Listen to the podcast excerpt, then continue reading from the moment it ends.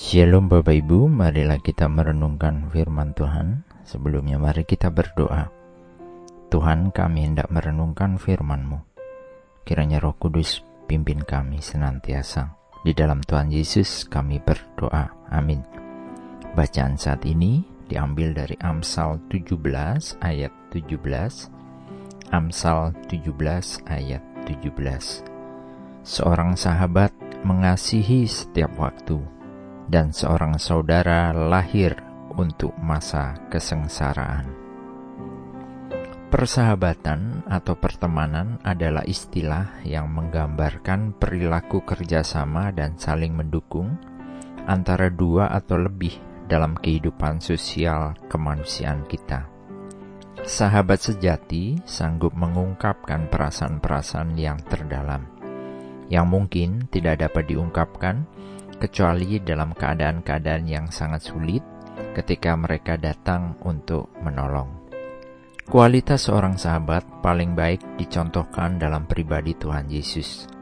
Seorang sahabat yang mencintai setiap saat. Dia hadir kapan pun dalam kehidupan kita, dalam keadaan baik atau selama masa kesulitan dan kesusahan besar sekalipun. Pribadi Tuhan Yesus telah mengingatkan kita bahwa cinta terbesar diungkapkan ketika seorang sahabat siap menyerahkan hidupnya untuk temannya. Dia rela melepaskan keinginan dan kebutuhannya sendiri demi sahabat tercintanya. Yohanes 15 ayat 13 menulis, Tidak ada kasih yang lebih besar daripada kasih seorang yang memberikan nyawanya untuk sahabat-sahabatnya. Persahabatan yang sejati dan langgeng tidak pernah dapat dibangun di atas tipu daya. Tetapi persahabatan yang sejati justru menolong dan menyadarkan dari kesombongan kita. Persahabatan yang baik membantu dalam empat cara. Mereka berbagi dalam kesuksesan, mereka membantu ketika kita jatuh, mereka memberikan dorongan dan sinergi, dan mereka membantu melawan musuh-musuh kita.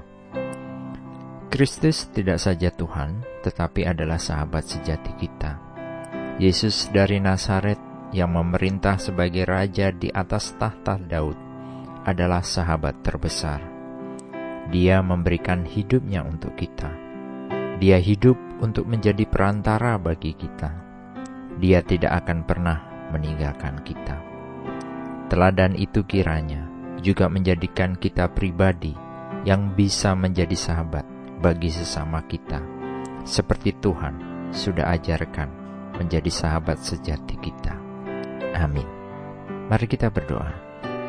Bapa Sorgawi, terima kasih untuk kasih yang telah Tuhan berikan kepada kami sebagai sahabat.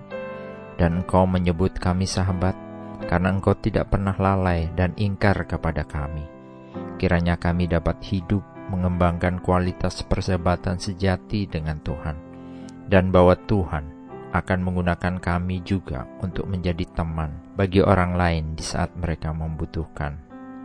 Inilah kami, di dalam nama Tuhan Yesus kami senantiasa berdoa dan bersyukur. Amin. Tuhan Yesus memberkati. Shalom.